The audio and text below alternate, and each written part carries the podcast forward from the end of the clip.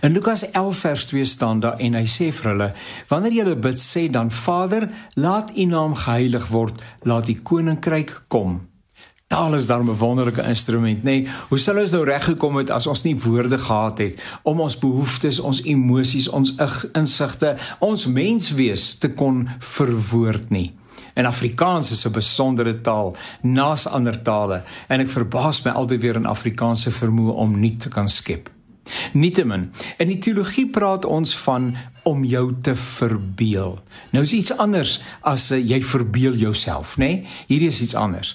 Uh, en dit mag dalk afgelei wees van die Engels wat sê imagine. Uh, maar daar's veel meer in hierdie in hierdie saak opgesluit as om net 'n uh, stukkie verbeelding te gebruik, uh, maar daar kom niks van nie.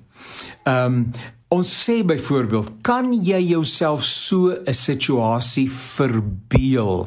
Met ander woorde, kan jy dit so voor jou geestesoog roep dat dit as dit ware reeds 'n werklikheid is.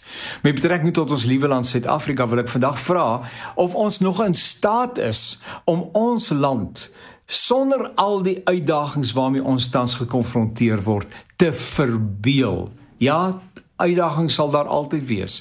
Maar Suid-Afrika onderskei hom op vele terreine as 'n baie swak voorbeeld van gesonde morele waardes en hier moet 'n herlewing kom van 'n uh, etiese waardes van etiese praktyk wat sal deursuur na alle alle fronte van ons samelewing.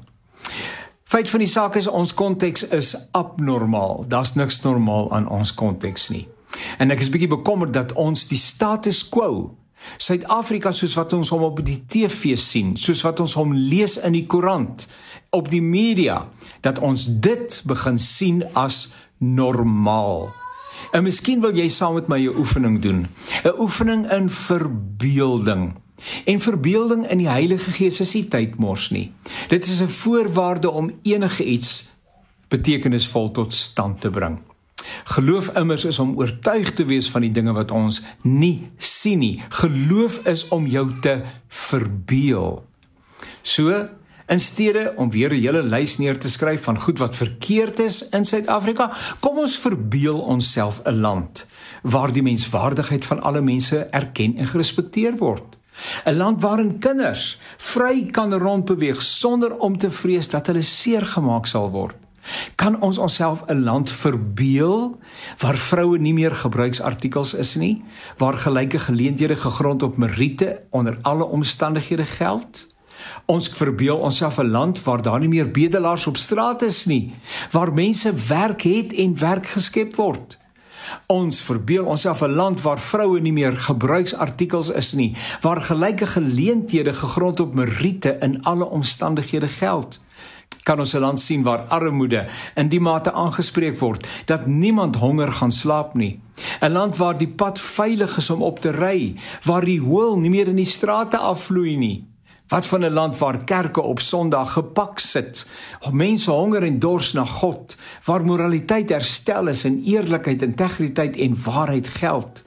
Kan jy 'n land sien waar politici en amptenare op alle vlakke van die staatsmasjinerie hulle ampskleed gestand doen? 'n Plek, 'n land waar tronke leeg word en plaasmoorde ophou? Dit klink klink soos 'n droom. Dit klink soos hemel op aarde.